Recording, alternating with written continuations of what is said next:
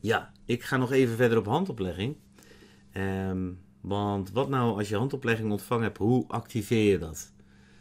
Ehm, ik vertelde daar al even wat over, omdat je in ieder geval bewust van te worden. En dat geldt voor alle handoplegging. Ik heb, veel mensen hebben mij de hand opgelegd. Door bijzondere, op een bijzondere manier hebben grote bedieningen ook handen op mij gelegd. Dat, dat waren, eh, op een of andere manier kwam ik vaak in situaties waarin dat gebeurde. Mensen zoals Randy Clark, eh, Bill Johnson, uh, David Hogan, Sean Arnold. Sean Arnold.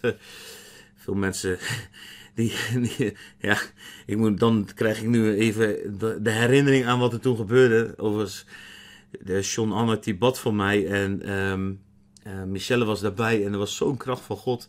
En, en Michelle op een bepaald moment zei ze, nou stop maar even, want hij bleef maar binnen en bleef maar binnen. Maar ik voelde echt zulke golven van kracht over me heen gaan, dat ik er bijna als het ware een soort onder bezweek. Ik, ik, ik was, het was heel goed en het heeft mij ook heel veel gebracht. Het heeft mij ook heel veel uh, kracht heb ik erdoor ontvangen. Ik heb daarna ook veel meer genezingen en wonderen gezien in mijn leven. Um, maar om het te ontvangen, dat was, uh, dat was heftig. Michelle zei toen tegen hem, Stop maar even. Michelle, daar wil ik je voor bedanken, want soms is het echt heftig. Maar dat is natuurlijk een helemaal verkeerd intermezzo als ik een filmpje heb van maar vijf minuten, want dat is de deadline die ik mezelf gegeven heb voor die filmpjes. Maar um, ik wil jullie meenemen naar hoe je dat dan uitpakt. Dus oké, mensen hebben de hand op je gelegd. Maakt ook niet uit of dat, wie dat zijn, als, als dat mensen zijn die in de kracht van God bewegen, die een bediening, die een roeping van God hebben, die een missie hebben, een visie, apostolische, profetische mensen die bewegen in de kracht van de Heilige Geest, dan heb je iets ontvangen waarvan Paulus hè, tegen Timotheus zegt, wakker dat aan. Of uh, waar hij uh, van tegen uh, Timotheus zegt van... Um, um, in 1 Timotheus 4, vers 14: Veronachtzaam het niet. Veronachtzaam de genade gaan we niet. Dus, dus je ontvangt iets, door handoplegging in dit geval, van de Heilige Geest. Dat is dus in jou, dat, dat zegt het woord voor God dus. Maar dan moet je het dus aanwakkeren. Je moet het niet veronachtzamen. Nou, gelukkig eh, geeft het woord van God daar ook inzicht in wat we dan moeten doen. In 1 Timotheus 4, vers 14 tot 16 bijvoorbeeld. Daar staat dus voor onachtzaam de genadegave niet, die in u is, die u gegeven is door profetie, met handoplegging door de Raad van Ouderlingen.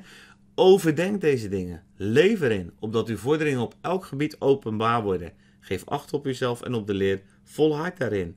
Want wanneer u dat doet, zult u wel zowel uzelf behouden als hen die u horen. Dus wat moeten we doen met die genadegaven die we ontvangen hebben, die zalving, die bekwaamheid die van boven is?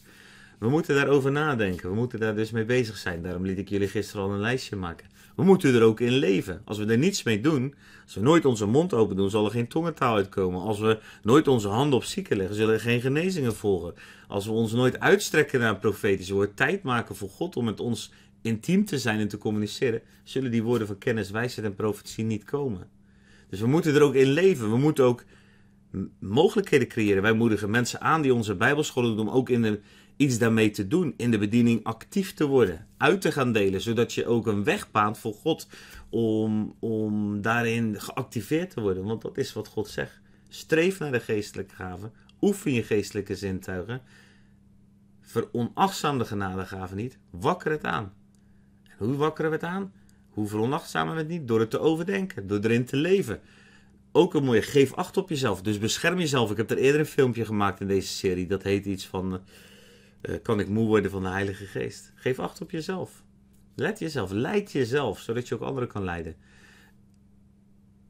Geef acht op de leer. Let op wat je overtuigingen zijn, hoe je over God denkt. Wat je, wees bezig in het woord van God. En dan volhard daarin. Blijf doorgaan, net zolang tot die dingen openbaar komen. Ja, je kan handoplegging ontvangen hebben van de grootste bedieningen die er misschien rondlopen op deze wereld, maar dat zegt helemaal niets. Want je zal het zelf uit moeten pakken en dan gaat God het activeren. Niet zoals die bedieningen het hebben ontvangen, want die hebben het al. Maar zoals jij het in je unieke kleur op deze aarde zichtbaar mag maken, zodat Jezus door jou ook heen zichtbaar wil worden. Ik wil je vandaag vragen, net als gisteren, om naast de geestelijke gaven waar we het gisteren over hadden, ook na te denken wat er misschien voor andere dingen zijn die jij ontvangen hebt door handoplegging. En daar ook weer een lijstje van te maken en misschien ook gewoon een plan erbij te maken. Hoe je God ruimte gaat geven in je leven, zodat het uitgewerkt erin te leven. Hè? Wat er staat. Overdenk deze dingen, leef erin. Ik wil je daartoe uitdagen. En heb je deze dingen niet, heb je niets op je lijstje te schrijven, kom naar een meeting. Wij komen op zondag samen, we komen op heel veel events samen. We zijn overal door het land, Michelle en ik. En naast wij zijn er nog heel veel andere prachtige, schitterende, geestvervulde mensen die jullie de hand op kunnen leggen. Doe dat. Ontvang het. Ga leven vanuit de kracht van de Heilige Geest. Be blessed.